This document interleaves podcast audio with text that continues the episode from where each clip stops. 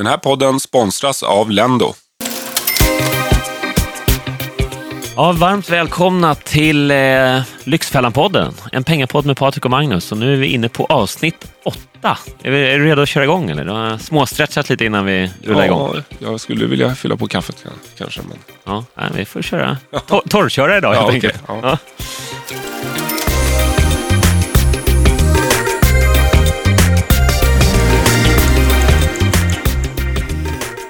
Du, eh, vad hade du för drömjobb när du var liten? Var det, var det bli programledare i Lyxfällan och sitta och snacka i en podd när du var 44,9 bast? När jag var liten så eh, visste jag nog inte överhuvudtaget att det skulle komma ett program som heter Lyxfällan på tv. Och än mindre att det fanns någonting då i framtiden som skulle heta podd. Nej, precis. att, nej, jag, Nej. när jag var liten, vi säger när jag var tio år, då var mitt drömyrke fotbollsproffs. Och det var inte bara en dröm, utan jag var fast besluten. Jag trodde verkligen att jag skulle bli det. det Okej. var, så att, eh, det, den, den drömmen kanske tog slut när jag var 13. Kanske jag någonstans där började inse att det inte skulle bli så. Ja. Hur långt hade du kommit då när du var 13? Jag hade inte blivit värvad av eh, Barcelonas ungdomsakademi. Nej, jag, men jag spelade i IFK Lidingös första lag, 72orna. Ja. Och vi var rätt bra. Vi, vi gick till final i Sankt Erikscupen och vi fick alltid stryka BP, Ja. deras första lag. Men eh, så vi var, vi var rätt bra. Jag måste bara höra det. jag var, for, jag var forward. Forward, okej. Målspruta. Målspruta, ja. Men du, hur, eh, jag tänkte, vad var det som fick dig att förstå att, eller när, var det något speciellt tillfälle du förstod att det här kommer nog inte bli mitt levebröd, eh, alltså jag kommer nog inte bli fotbollsproffs? Eh, Jag, jag kommer faktiskt inte exakt ihåg om det var något speciellt tillfälle. Men jag, när jag var 13 så då är man ändå eh, så pass, eh, nå, någonstans har man lite, börjat få koll då. Så jag tänkte, jag blev väl uttagen i stadslaget men var väl inte stjärnan där. Och så börjar man då börja, analytisk som jag är, börjar jag direkt tänka, okej, hur många tar sig vidare till ett juniorlandslag? Ja. Det är inte speciellt många. Och då är det ju väldigt få från stadslaget, om ens någon därifrån tar sig vidare. Ja, jag vet inte, det var ungefär i dem. Jag kommer inte ihåg hur jag resonerat. Men, eh, men när jag var 11-12, då trodde jag fortfarande att jag skulle bli fotbollsproffs i Liverpool. Ah. Ja. Och jag sa till och med till en av mina bästa kompisar som var eh, lika bra som jag var och hade samma ambitioner. Jag sa, glöm inte bort att jag kommer, om du kommer till Liverpool före mig, så lovar jag, jag kommer. Och jag, det här minns jag att jag sa på fullt allvar. Jag, var, Ja, jag, jag tyckte nog att han kanske låg lite före utvecklingen just då. Ja. Eh, Så att han skulle nog komma dit lite före mig, men att vi båda skulle dit, det var jag helt övertygad om. Så han kanske hade ett försprång på några månader innan du exakt. ja, precis. blev köpt. Ja, exakt. Han var Ja. mittfältare. Ja, men det är bra. Inställningen gör ju mycket Ja, ändå. du då? Vad hade du för Jag hade, drömyrke? ja, jag vet inte om det är något klassiskt drömyrke. Jag drömde om att bli långtradarchaufför. Mhm. Ehm, Det var speciellt. Fotbollsproffs är kanske lite vanligare bland killar. Men långtradarchaffis exakt. är väl, du har ju alltid gillat bilar. Ja, Stora bilar. Men långtradarchaffis, är faktiskt rätt glad för idag att, att det inte blev mitt dåvarande drömjobb. Det här var ju när jag kanske var 7, 8, 10 år gammal. Ja. Eh, Men jag kommer ihåg när vi satt och åkte på så här familjeresor så hade jag en frisbee i knät och låtsaskörde. Jag hoppas att jag var lite yngre än 10 år. Ja, men frisbeen var ratten då. det var ratten, så hade- la jag upp träskor som man hade då på 70-talet. Eh, som pedaler, gas och broms och koppling på golvet. Jaha. Så jag satt och liksom låtsaskörde. Men- jag lekte att jag körde Men lastbil. det är lite konstigt att du som ändå gillar bilar och allt det där, la, lastbilschaufför, jag tänker att det borde ligga närmare till hands då att du hade velat bli Formel 1. Det var ju på Ronny Petterssons tid när ja. vi var små. Jag har ingen eh, förklaring på det. det Nej, jag, jag, jag ifrågasätter det själv så här Ja. långt efter. Jag, och jag är väldigt glad. Jag, jag skulle ju, ja, inget ont mot alla som kör lastbil förstås, men jag skulle ju ruttna ganska snabbt på att sitta på E4 och köra i 90 km i timmen på farthållare och så sitta och åka 40 mil. Örebro-Göteborg i 40 år. Fast det, det har ju, du har ju åkt en del bil dina dagar. Eh, dina säljturnéer och, och Lyxfällan och massa annat. Men, men, Men eh, vad då menar du att du kör inte 90 km i timmen? Är det skillnaden? Ja, det är skillnaden. Och, eh, ja, inte med en sån här 65 tons. Nej, men jag förstår inte riktigt. Eh, jag förstår inte riktigt vad som var tjusningen med det då, men det kanske är så man är barn. Man har lite andra, man får andra referenser med Det är åren. lite märkligt för eh, åren med Lyxfällan, tittar man på vilka yrken vi stöter på allt som oftast så är det inte speciellt ovanligt att vi, det har varit ett gäng lastbilschaufförer. Ja, det har det faktiskt Det varit. skulle kunna varit dina kollegor och nu sitter du istället och, och säger att du inte fattar Att de, att de, kör, att de orkar. Nej, men, men någonstans borde jag förstå. Mitt tioåriga jag förstår ju absolut tjusningen i det, men Ja. idag så ja, jag gör inte riktigt det tror jag. Nej, men det är ju som eh, tågkonduktör kanske många små barn som tycker det är häftigt att bli. Sen en del Ja. fortsätter ju med det där tågdrömmarna. Ja, Tåg, leka tågbana fast på riktigt sen när de blir vuxna. ja men precis. Och köra tåg. Men det är väl också en del, tror jag, en del sådana yrken tror jag är annorlunda i tanken än vad de är i verkligheten. Tänk som brandman också, många som tänker så här, häftigt att släcka bränder och utryckning, det är blåljus och att det är lite Hjälte. Och, hjälte och lite action. Men sen ett brandmannajobb i, i vardagen är mycket så här, det är som militär, mycket materialvård. det är som i, ja, och är- annat som och är en väldigt liten del av totala arbetstiden som faktiskt är utryckning. Ja. Och när man är hjälte i- mitt i lågorna. det som är tv-branschen, det är mycket väntan. Ja, ja men så är det ju. Ja. Ja. Många små barn drömmer ju om att vara uppe och flyga. Och eh, jag kommer ihåg att det var väldigt vanligt att tjejerna ville bli flygvärdinnor. Ja. Eh, det- Och det tycker jag, jag förstår ju tjusningen med de ser där att de flyger runt i världen och Ja. har fina dräkter på sig kanske. Ja, Ständigt ett leende på läpparna. Men jäklar vad tufft det yrket är. Det ser man ju själv när man är på lite längre flygningar. ja, verkligen. Trångt och de fram och tillbaks och samma sak hela tiden. Ja. Ja, de har ju förstås en säkerhetsaspekt de ansvarar för säkerheten, men annars är det egentligen ett tuffare, tuffare sätt att vara servitris på i många Ja. fall. Ja, Sen begränsad, mycket annat. begränsad meny också. Ja, begränsad meny, men också väldigt trångt och, och tuff Ja. arbetsmiljö förstås. Ja. Ja. Ja, Ja. vi är inne på yrken här och det är för att eh, vi pratar lite om eh, jobb och karriärval och kopplat till då ekonomi som vanligt. Och eh, i åren med Lyxfällan här så kan vi bara konstatera att jobb är viktigt inte bara för lönen utan för att man ska må bra. Mm. Att man har ett jobb som man trivs med. Ja, vi har ju väldigt många i, eh, som vi hjälper i Lyxfällan som, som mår dåligt på grund av att de inte har något jobb att gå till. Förstås att de saknar inkomsten, det är ju givet då, att de skulle behöva pengar in. Men just att man mår väldigt dåligt, att det är så mycket fler saker. Att man känner sig behövd och har någonstans att åka till på dagen. Mm. Jag tror man, får man för mycket tid att fundera också så är det, det, det är ofta eh, kan det skapa egna problem. Mm. Hur ska man tänka då?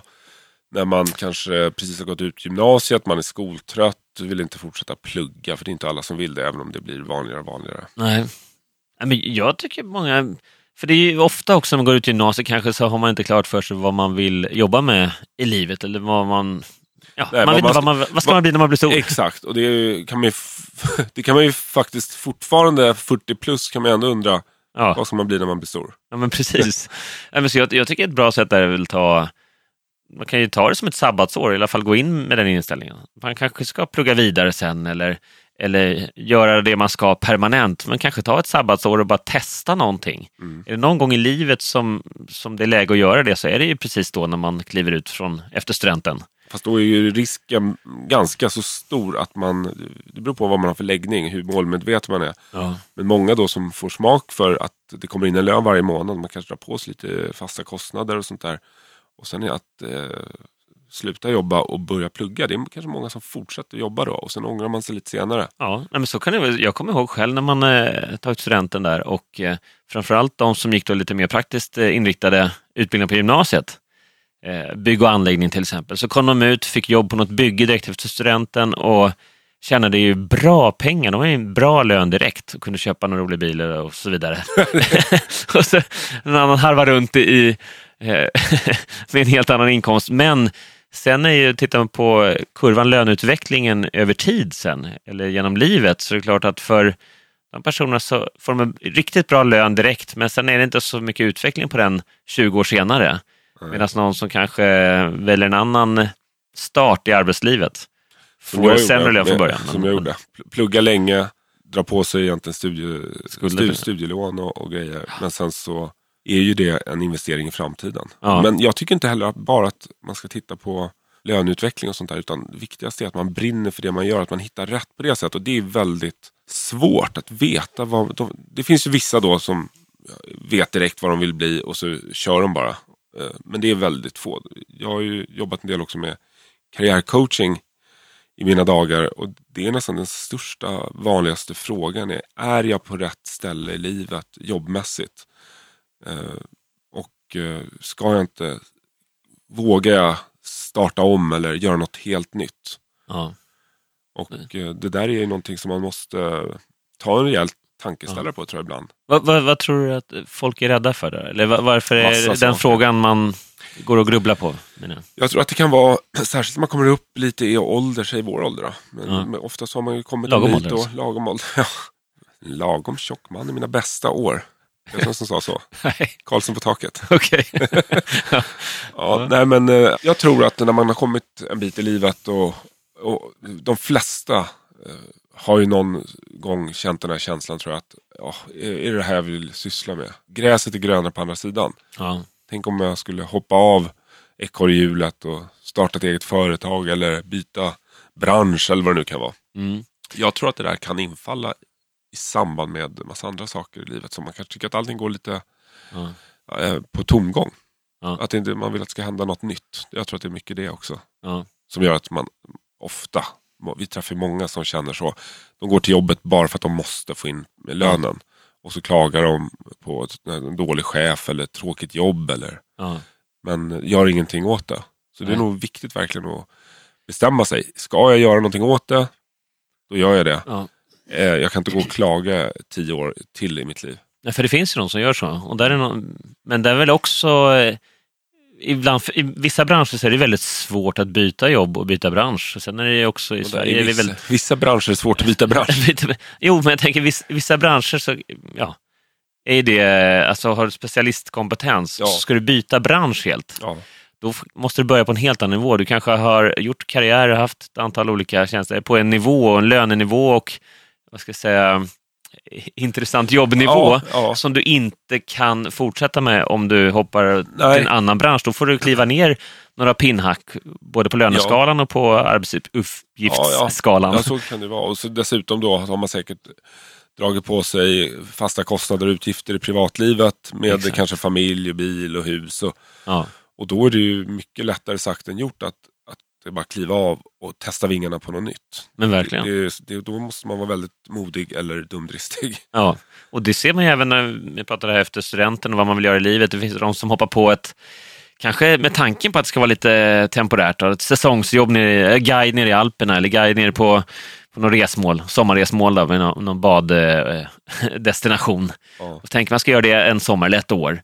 Och så älskar man det här livet och så fastnar man och så plötsligt tio år senare kör man fortfarande det spåret och börjar känna av att oj, nu har mina vänner här hemma, de börjar stadga sig, de börjar få bättre jobb, få bättre löner och så har man liksom fastnat i det och kommit efter, vilket också kan vara svårt. Ja. Men lite äldre att faktiskt, eh, ja, om man nu ska kalla det komma ikapp, men det är viktigt att i alla fall att fundera på vad, vad kommer det jag håller på med nu ge för resultat fem, tio år fram i tiden? Är det det jag ja, vill? Ja, precis. Framför allt det jag tror att, för gör man det man vill och brinner för, oavsett vad det är, om det är att surfa i Australien, Ja, eh, så kanske man därigenom på något sätt kan finna sitt, sitt jobb, sitt yrke. Om det är surfinstruktör eller man startar ett företag som hyr ut surfbrädor eller så Ja. blir man surfproffs. Vad vet jag, men alltså, ja, eh, det, det tror jag, där ska man nog, jag tänker i alla fall som jag känner nu, till mina barn, bara liksom höja det som de tycker om. Att de Ja. ska få göra det mer. Inte liksom, du ska bli jurist, nej. du ska bli ekonom. Jag, jag tror aldrig det fungerar över tid. Det, det gör i alla fall aldrig de individerna lyckliga, tror jag. Nej, Och sen är jag också, håller med dig, där, helt övertygad om att om man gör det man verkligen brinner för och tycker det är roligt och som man har liksom lust att gå till jobbet på morgnarna, så gör man ett bra jobb. Ja, verkligen. Och det ser man ju på den typen av yrke där det finns någon passion, exempelvis någon, en kock eller Ja. men som jobbar med kreativa yrken som får verkligen göra det varje dag som de älskar. Ja.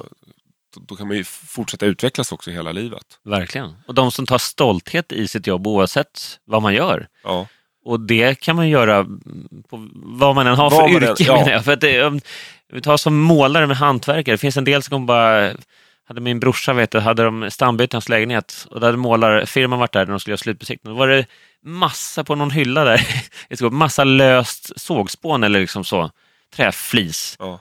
Då hade en målare bara kommit och målat in, massa, massa, smacka på massa färg. Utan att på- eh, känna liksom att Ja. jag målar in massa sågspån. Två, tre centimeter sågspån. Det var ju bara en gegga, en färggegga med sågspån uppe på hyllan. Så när Ja. besiktningsmännen bara skakade på huvudet så att de var så trötta. Liksom. Ja. Då tänker man, vad tråkigt om Att man det går in- till jobbet med den inställningen att man inte bryr sig överhuvudtaget om vad man presterar eller vad ja. man... Eller vad man åstadkommer. åstadkommer. Eller man, ja. Det tycker jag, vi åker en del taxi. Vilken skillnad det är på inställningen och servicen på, på, på, på olika taxichaufförer. Jag, Verkligen. En del kommer med nystruken skjorta, eh, blankpolerad bil, kliver ut, hälsar välkommen, öppnar dörren och gör ett fantastiskt jobb. Ja, Det är så stor skillnad mot när det blir precis tvärtom. verkligen. Och det, det måste, de, de måste träffa så mycket roligare och trevligare kunder på dagarna. Ja, Och människor ja jämfört för med de som är tvärtom. jag är ju väldigt lättpåverkad också. Får jag ett trevligt bemötande taxichaufför Ja, så är jag väldigt trevlig tillbaks. Ja. Men har jag en sur, otrevlig taxichaufför, då blir jag sur och otrevlig tillbaks. Det är Ja.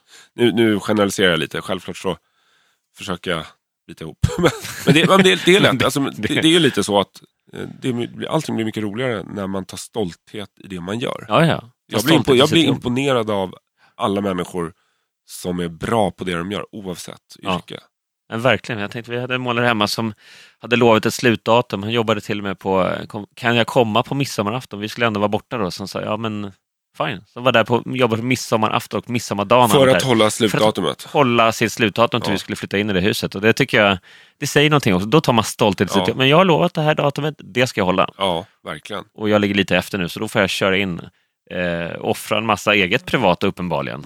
Men ta stolthet i det man har lovat. Och det, är- det är sånt som bygger referenser förstås för framtiden. Ja. Men, men eh, Jag tycker ofta att ja, eh, det inte... saknar det, måste- Man saknar det ofta, eller hur? Verkligen, väldigt ofta. Men vad, vad är det som bygger karriär? De här som lyckas att göra eh, en riktigt så klassisk karriär, att man börjar på ett jobb, Ja. vilket jobb de än börjar på, vilken arbetsplats, eller företag eller organisation de än är i, så jag Får att nya det, utmaningar ja, hela det, tiden. det, det finns kanske tre, fyra eh, utmärkande egenskaper skulle jag säga. Det första är att man är oerhört disciplinerad och målinriktad. Alltså Mm. man, man, man har bestämt sig för någonting och inte den som ger upp i första taget utan man är långsiktig. ja, Disciplin, alltså långsiktighet. Det är den ena. Sen tror jag självklart talang för det man gör.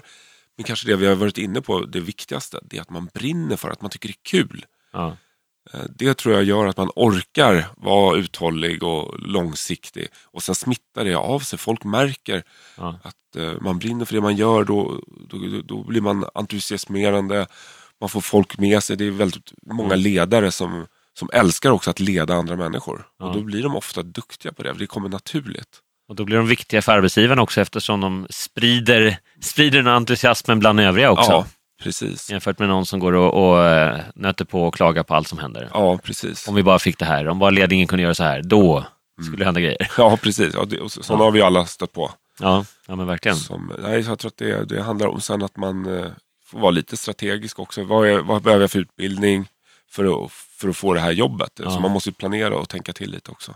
Men du, jag funderar på det här med, jag tänker bara med, med lön också, för det är ju en del som går ut, jag tycker det är intressant när man ser, det kommer lite undersökningar titt som tätt, vad eh, de som kommer ut i arbetslivet nu, de nya generationerna här, vad de värdesätter hos sina arbetsgivare. Ja, och det här med lön har ju, så som jag tolkar det, så har ju det sjunkit genom åren. Men på Mm. senare år så blir det så här, självförverkligande eller kunna styra sin egen arbetstid eller utvecklingspotential, Ja. eh, Ja.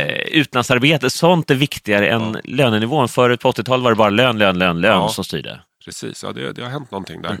Men det är ju lite intressant vad det kan bero på. Ja, men det, är väl nya, nya tider och, och den, de generationerna som har kommit fram nu, de har ju också en annan arbetsmarknad. Det har ploppat upp. Jag tror man blir väldigt påverkad av sociala medier också. Nu, du och jag är ju Mm. så icke-aktiva som det bara går. Vi finns ju inte med på Facebook, Instagram och allting. Men Helt opåverkad av det också. Ja, Å, andra det sidan man- Ja, på, på Ja, gott och ont. på gott jag. och jag ont. tror att det där är ganska farligt. För man ser kanske andra som har 10 000 följare och, Ja, och är influencer. In, det är nästan som har blivit ett yrke nu att man är då en Ja. influencer. För att man har så många följare. ja, Och så får man betalt av företag för att egentligen bara marknadsföra deras produkter i, i sina kanaler. ja. Och då tänker man det där är ett yrke som jag vill ha. ja. Men det går inte riktigt att plugga sig till det eller Nej. jobba sig till det kan man ju såklart i viss mån göra. Men ja. det, jag tror att det är mycket sånt för då jobbar man ju hemifrån eller man sitter vid mobilen, man kan sitta på restaurang. Och ja. jag tror att det är många som drömmer om det där livet som kanske väldigt få eh. Faktiskt kan Ja. leva på egentligen. Ja. Ja. precis. De tänker inte vad de ska jobba med när de blir stora, utan vad ska jag blogga med när jag blir stor? Ja. Det är klart, det, det låter ju som ett skönt liv, men Man undrar vad det blir för samhälle om. Tänk om vi har en hel generation som drömmer om det Ja. livet. Ingen som drömmer om att bli läkare eller jurist eller Fast jag tror att ma, nej, men, ma, annat. eh, de som är stora på sociala medier är of- ofta väldigt duktiga på någonting annat. Och det är det, det där andra. Om det är att man är en, en duktig yogainstruktör eller att man är en, en, en skarp journalist och författare. Eller sportprofil. Man har någonting, något annat som är kärnan i det. Och sen så genom det så får man då en stor skara följare och sen kanske till slut blir, blir det där större än det tidigare som man var förknippad med. Ja. Men, men det är ju faktiskt intressant med, med jobb och karriär idag, 2017, är ju inte samma sak som vad det var förut. Men, ta som Pewdiepie, som har ett jobb. Det blir också så fascinerande. I min värld så är det eh, ett stort fenomen som jag inte kan förstå. Nej, man, är- att ska bli så stor att sitta, jag kan förstå de som fastnar. att- Nu har inte jag, jag har aldrig blivit i den här fast i dataspelsvärlden, men jag kan, jag kan förstå det någonstans. Men att förstå att man sitter och tittar på någon Titt- annan som Så spelar. det, är, jag, jag, Det låter så sjukt Ja. tråkigt. Och Och, det- och det är fem- mångmiljonföljare. 50-60 miljoner eller vad det är som följer. Ja. När- Jo, när- världen över. Det, det är för mig, det, är- det är, jag Det är kan en gåta. inte greppa det. Och det är enorma pengar Ja. i det där. Så det, är, och det är väl- det är bara att säga grattis. Ja, men det är Snacka om att göra det man brinner för då. Ja, han, Det där är ett jättebra exempel på det vi var inne Drömjobb. på. Drömjobbet. Att göra det man älskar. För då kommer det oftast någonting väldigt bra ur det som man kanske kan försörja sig på. Han Ja. är ju ett eh, otroligt bra exempel. Men ja, eller Avicii, liksom, kan ja. gilla musik. Mm. Ja, och så kan försörja sig väldigt, väldigt väl. Ja. Har kunnat på det. Ja, men exakt. Det är häftigt att se. Och det är så man också, som jag vill uppmuntra till. Att Mm. följ, följ din passion, Mm. så landar du till slut bra. Lyxfällan är ju sponsrade av Lendo och för ett litet tag sedan hade vi Lendos VD Hanna på besök för att prata om Lendos tjänster. Lendo hjälper ju kunden att jämföra olika lån och på så sätt eh, göra en bättre affär och det här pratade vi faktiskt lite mer om. Om man tittar bara en generation bakåt så var ju väldigt många lojala mot sin storbank. Och behöver man låna, oavsett om det är ett konsumtion eller någonting annat, så går man till sin vanliga bank med mössan i hand och frågar lite vad får jag för villkor? Och får jag något lån? Och så ja eller nej. Men hur upplever ni att det har förändrats, det här konsumtionsbeteendet och kundbeteendet också? För idag är det ju mycket lättare att just jämföra faktiskt på nätet. Mycket, mycket lättare. Jag tror att en del är att eh, man är mer pre- prismedveten. Och man, man vet också att man kan ta reda på det. Så till exempel om du ska köpa en bil, eh, om du går till din bank så får du en viss ränta. Men om du liksom vågar konkurrensutsätta den och kolla med andra, då kan faktiskt bilen bli liksom billigare än ja. om du hade tagit den på den riktiga banken. Att kostnaden för krediten, det är också en kostnad för bilen. Så är det Ja, ju, precis. verkligen.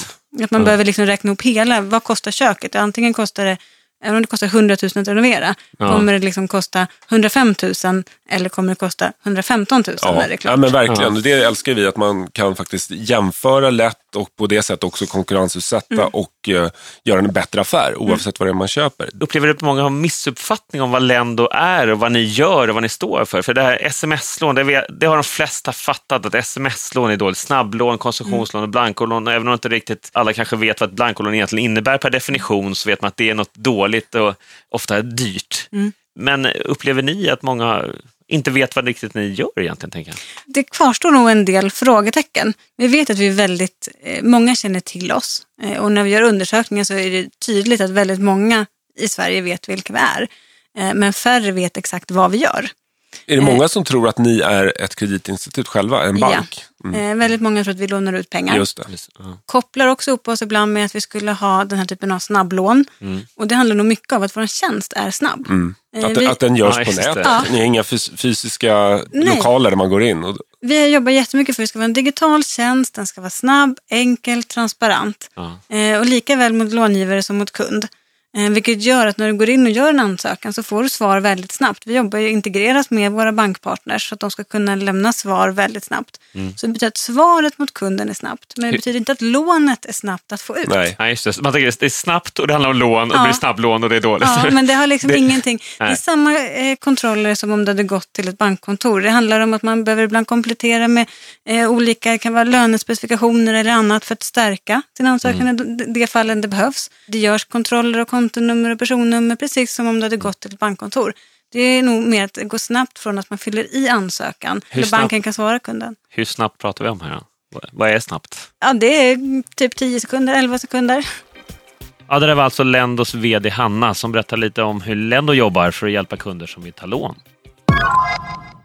Det, det låter ju ganska givet, följ passionen, det, det har ju tror jag människor hört, men om man tänker till på vad det faktiskt innebär Ja. så det är väldigt få som gör något konkret åt det på riktigt i verkligheten i sin, i sin vardag, så att man faktiskt följer sin passion. Jag tror många har någon slags dröm om ett liv eh, som ska vara bättre eller annorlunda eller mer intressant än det man lever. De lever någon slags parallellt liv mentalt. Men så går man till sitt vanliga jobb och nöter på.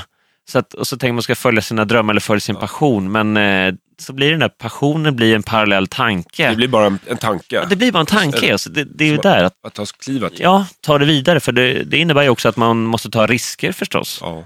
Och det är ju svårt, ju längre man kommer i livet, men ju mer fasta kostnader kanske, eller man har familj, man har fler att försörja. Det man har, man har Ja, kanske inte samma möjligheter att riskera eh, Nej, saker som man har när man är svårare. 20. Det, kanske blir ett större, svårare beslut, men det är fortfarande görbart. Jag gjorde ju själv eh, en eh, stor sån manöver när jag var långt över 30.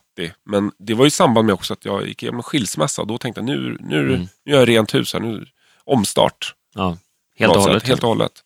Så det var då jag började doktorera Just det. och startade mitt företag, jobbade med coaching och ledarskapsutveckling och, och doktorerade inom samma gebit då, med management, organisation och Och då, då, ledarskap. Och då bytte jag ju Ja. totalt och eh, den lönen som jag hade haft tidigare, den var, det här var ju bara en bråkdel av det. Men då, Mm.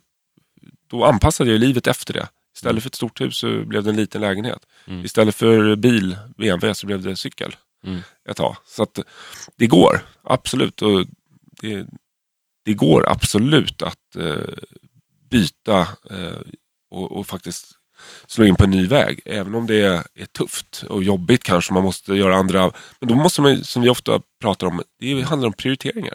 Om det är så viktigt, om du verkligen vill, Ja. ja, om du kommer på vad du vill göra. Följ det då och då får du göra avkall på andra saker antagligen. Ja. Kanske gå ner i levnadsstandard lite grann ett tag. Innan du får fart på det nya jobbet, karriären eller vad det nu kan vara. Det är där det ofta klickar för de vi hjälper, att de har fått kanske de har livsförändring, eller fått, de har bli, det har blivit så i deras liv också, att det har hänt saker. Någon kanske blivit av med jobbet eller Ja. skilsmässa eller andra saker, men att man inte anpassar kostnaderna efter det, utan man kör på som vanligt. Ja, det är faktiskt ett, ett Fast man får in mycket färre... ja, jag vet inte hur många in. gånger vi har sett det. Att, eh, eh, det kan vara så att en, en person eh, har, eller ett par som går skilda vägar. Ja. Och så fortsätter den si- singelpersonen som vi träffar att leva som att det fortfarande var två inkomster. Exakt. Det är väldigt vanligt. Ja. Men det, det är väl egentligen grunden i allt det, att man verkligen sätta sig ner, som du var inne på här, när det, råkar det vara en skilsmässa som utlöste din eh, egen livsrannsakan eller jobbkarriärrannsakan. Du Ja. bytte bana helt. Men Ja, jag vet inte vad som påverkade vad egentligen, men det var mycket på en Ja. gång kan man säga. Så, allt på en gång, en re- restart. Men, eh, nej, men jag tänker det, nu har ju mina, både min mamma och pappa gått bort här på de senaste två åren, ganska tätt, eller inom ett år så dog de båda. Och, eh, det är också sådana tillfällen i livet som man börjar tänka på, så här, vad, vad är viktigt i livet egentligen? att verkligen. man, man blir, de här existentiella frågorna poppar upp. Ja, Eh, och hur liksom vill jag, plötsligt. när jag tittar tillbaka på mitt liv en, en dag, det vet Ja. man inte om det är, om en vecka eller om, om 30-40 år. Men Nej. förhoppningsvis om, om 30 år. Ja, Vad vill jag ha åstadkommit? Vad, och då menar jag inte jag bara vad man har byggt upp rent karriärmässigt, utan vad vill jag ha Ja. åstadkommit? Vilket liv vill jag ha levt? Så att man inte tittar tillbaka och säger, varför gjorde jag aldrig det där? Nej, varför gjorde jag precis. inte det? nej. Eh, Jag tror, jag brukar säga det att man ångrar ju inte det som man gjorde, man ångrar det som man inte, gjorde. Ja, precis. Och det ligger mycket i det där att faktiskt våga. Ja. Nej, men jag, jag tycker det, det är väl det som jag tycker är viktigt att, eh, att man funderar på. Oavsett vad man är i livet just nu, att man verkligen funderar på, är det det här jag brinner för? Är det det här jag vill? Om man absolut känner att det här, nej, det här har bara blivit så här. Ja. Man vaknar upp eh, plötsligt 20 år efter man kom ut på arbetsmarknaden och märker att, men det- hur hamnade jag här egentligen? Ja. Fast det, det kan man ju vi ställa oss den frågan. Hur Det- hamnade vi här? Det kan ju verkligen Det skriva gjorde jag ju faktiskt. Kommer du ihåg det? Eller det, det vet jag att du kommer ihåg. När vi var i Skövde för många år sedan. Ja, precis. Och jag, då hade vi bara kört Lyxfällan kanske något halvår. Ja, jag kommer Eller ihåg henne radhusområdet. Hon gick 28 000 back varje månad. Ja. Ja. Hade ett lilafärgat hår. Men, men du kommer ihåg situationen som jag ska beskriva? I gillestugan, det Ja. kommer jag mycket väl ihåg. Ja, jag står i en gillestuga och eh, serverar drinkar och jordnötter och har, och har då hjälpt den här deltagaren att anordna en liten ut- utförsäljning av eh, smycken. Tror jag det var.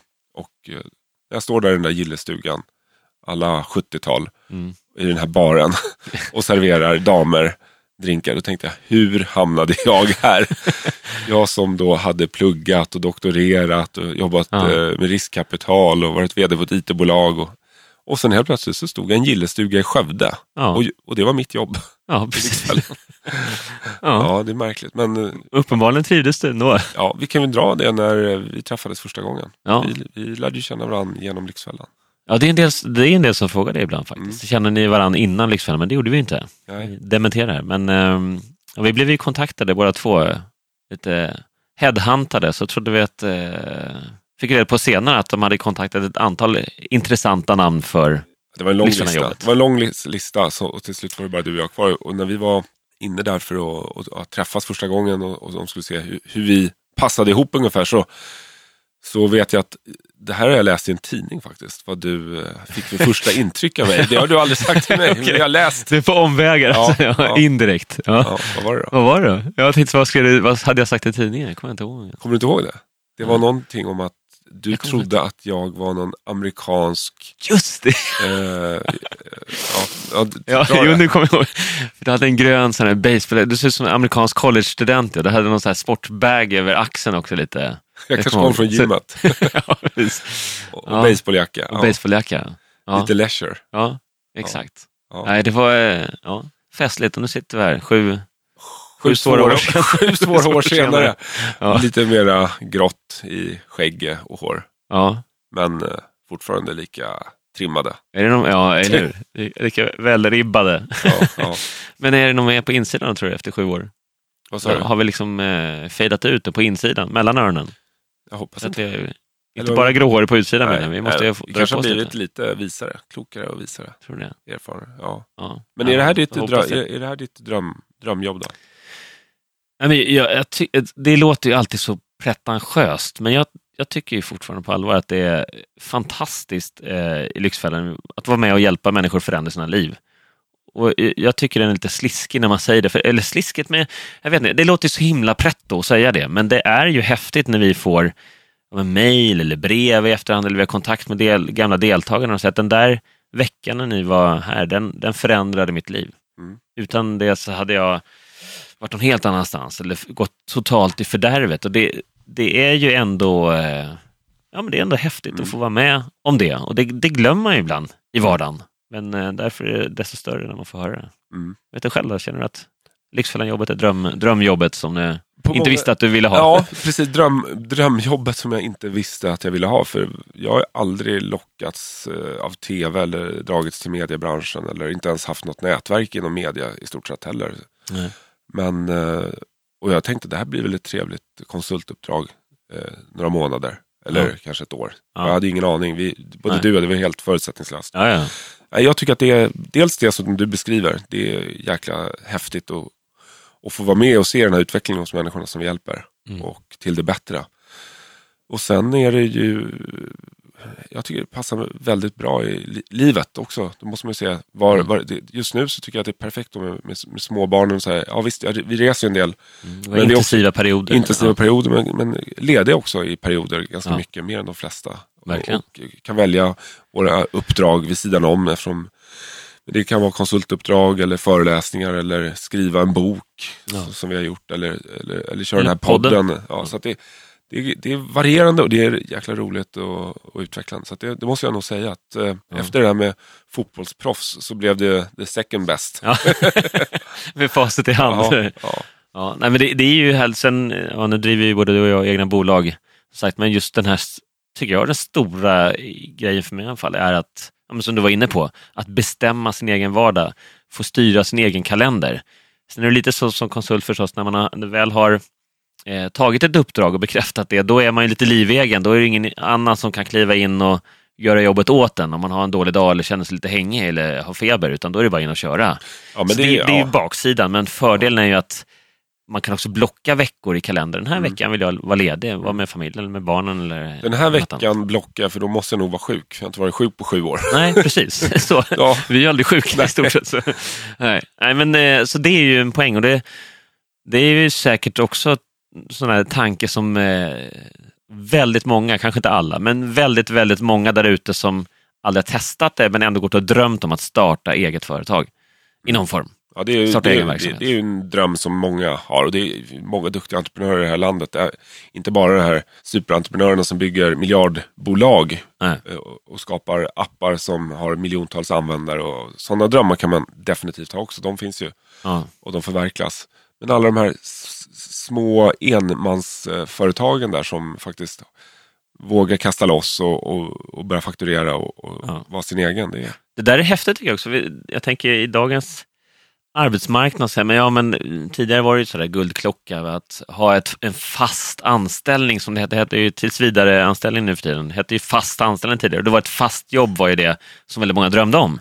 För att kunna bygga upp en, en trygghet i sitt liv. Men, och guldklocka efter 25 år. Ja, som precis. anställd På samma ställe. Då. Ja, men jag menar, idag så är, även om du jobbar, oavsett om du jobbar i privata sektorn eller i offentlig sektor, inom vård eller någon statlig eh, myndighet och så vidare, så finns det egentligen inga garantier idag. Plötsligt så blir bolaget uppköpt kanske, eller det jobbar i statligt sätt, kan det bli outsourca just den funktionen, eller man måste göra neddragning, eller flytta verksamheten till Umeå, då kanske man inte har möjlighet att flytta med med familjen.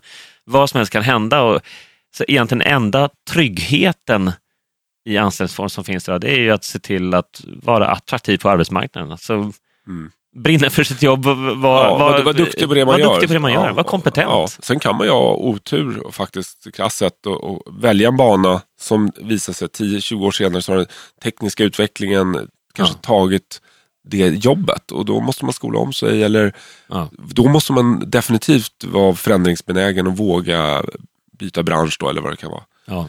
Tänk dig de som eh, tillverkade skrivmaskiner. För Ja, ja, facit. precis. Facit, Ja, ja. Skrivmaskiner finns ju inte. Det, Nej. det var en sån där teknologisk grej som gjorde att en hel bransch Ja, ja. och stora mång, mång miljonföretag bara försvann med tusentals anställda. Ja, man tänker så här skivbutiker som fan- fanns massa Ja. också som bara försvann när det blev digitalt. Så nu börjar de komma tillbaka i och för sig lite på, på, på lite nischat då. Ja, vinylskivorna, jaha. Ja, eller framkallning av foton och sådana här saker som eh, den digitala revolutionen. Det finns många sådana exempel. Ja, verkligen.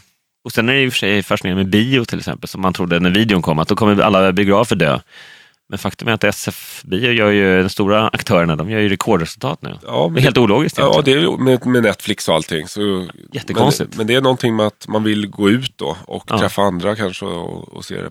Det, det. det finns en annan Ja. Känsla där. så är det. Ja. Man vet aldrig var det tar vägen, men eh, det är väl kanske det viktiga oavsett om man startar eget eller om man vill... Så ska man säga, det finns ju inget fel heller om man vill bara köra på som man har gjort nu. Man kanske går till sitt jobb eh, ja, och, och jobbar, oavsett om på kontor eller fabrik eller vad man gör, har gjort det de senaste 20 åren och stormtrivs med det. Ja, då finns det ingen anledning Finns ingen- att och prata om eh, att byta. Det- Man ska Nej. inte byta för bytandets skull. Utan det är som sagt, man ska... Det inget självändamål. Nej, känner man sig nöjd på sin arbetsplats, då är det bara att säga grattis. Ja, Men om du inte gör det, gör någonting åt det helt enkelt. precis. Och vi träffar många som är missnöjda. Både i Lyxfällan och på andra ställen. ja. När vi tar konsultuppdrag. Och sen är det ju en del i, i Lyxfällan som har hamnat kanske i arbetslöshet.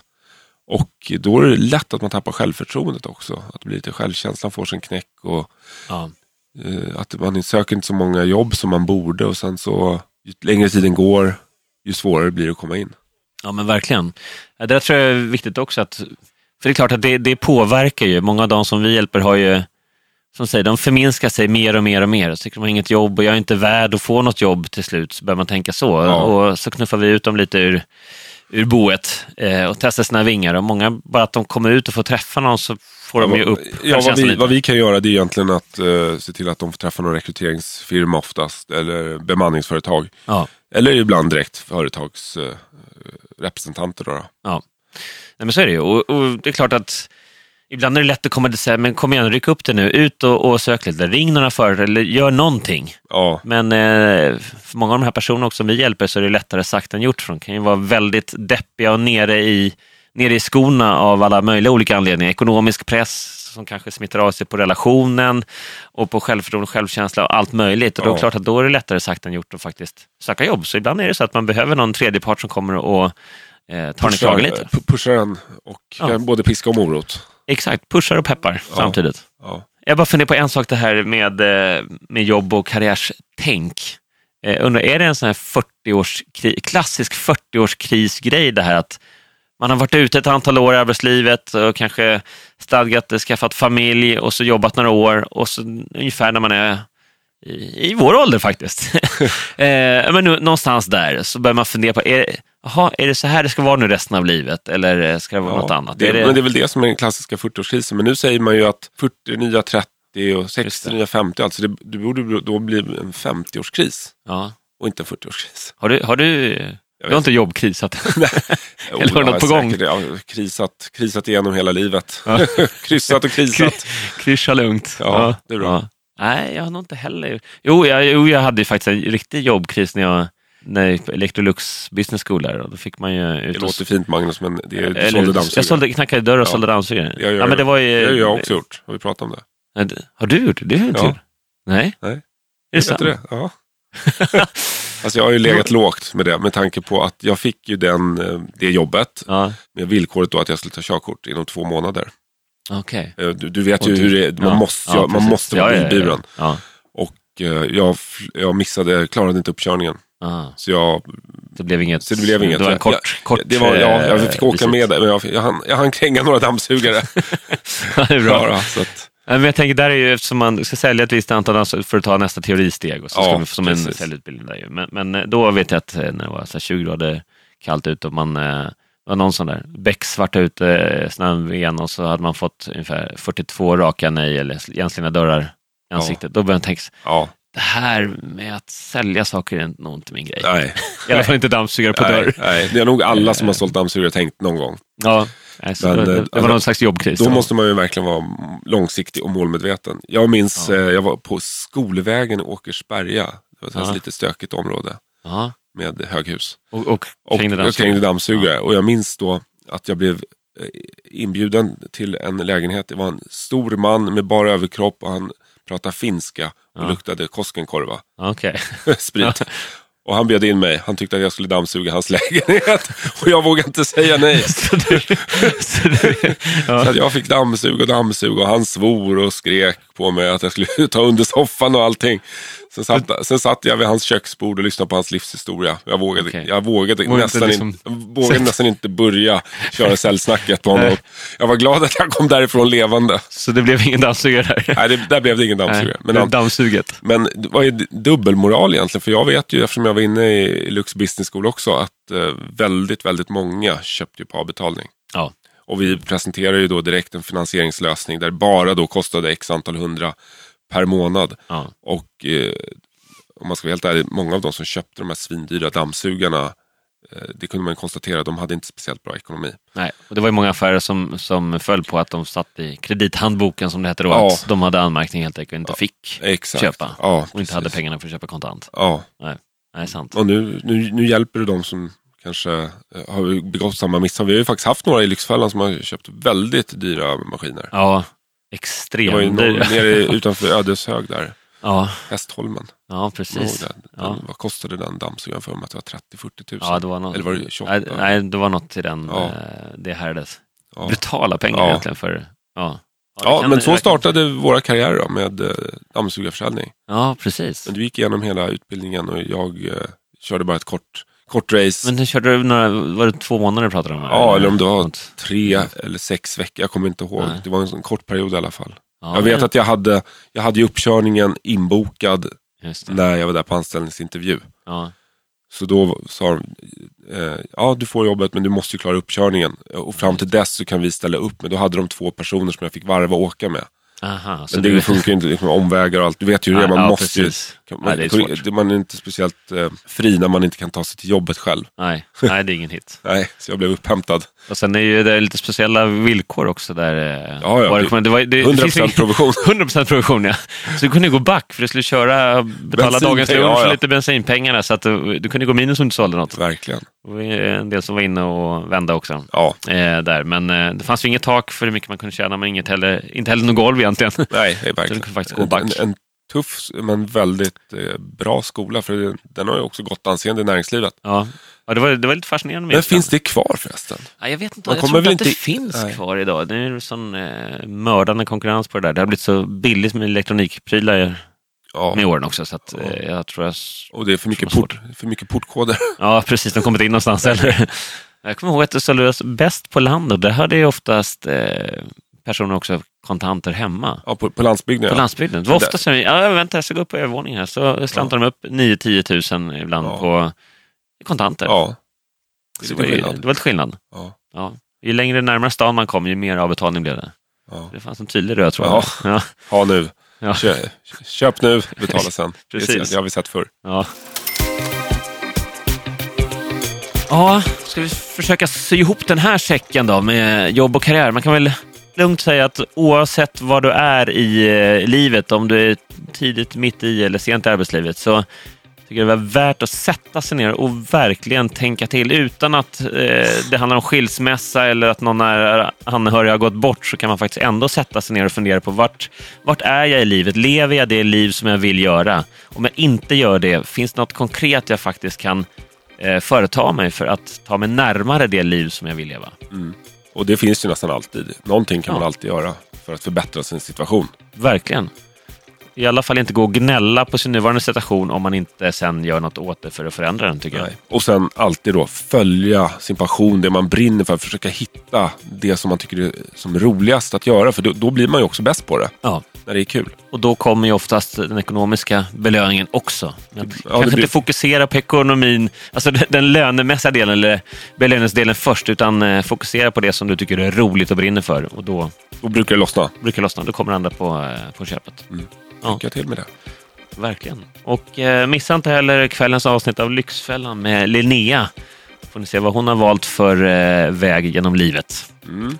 Och glöm för all del inte att prenumerera på podden på iTunes. Och eh, även ett stort tack till vår sponsor Lando.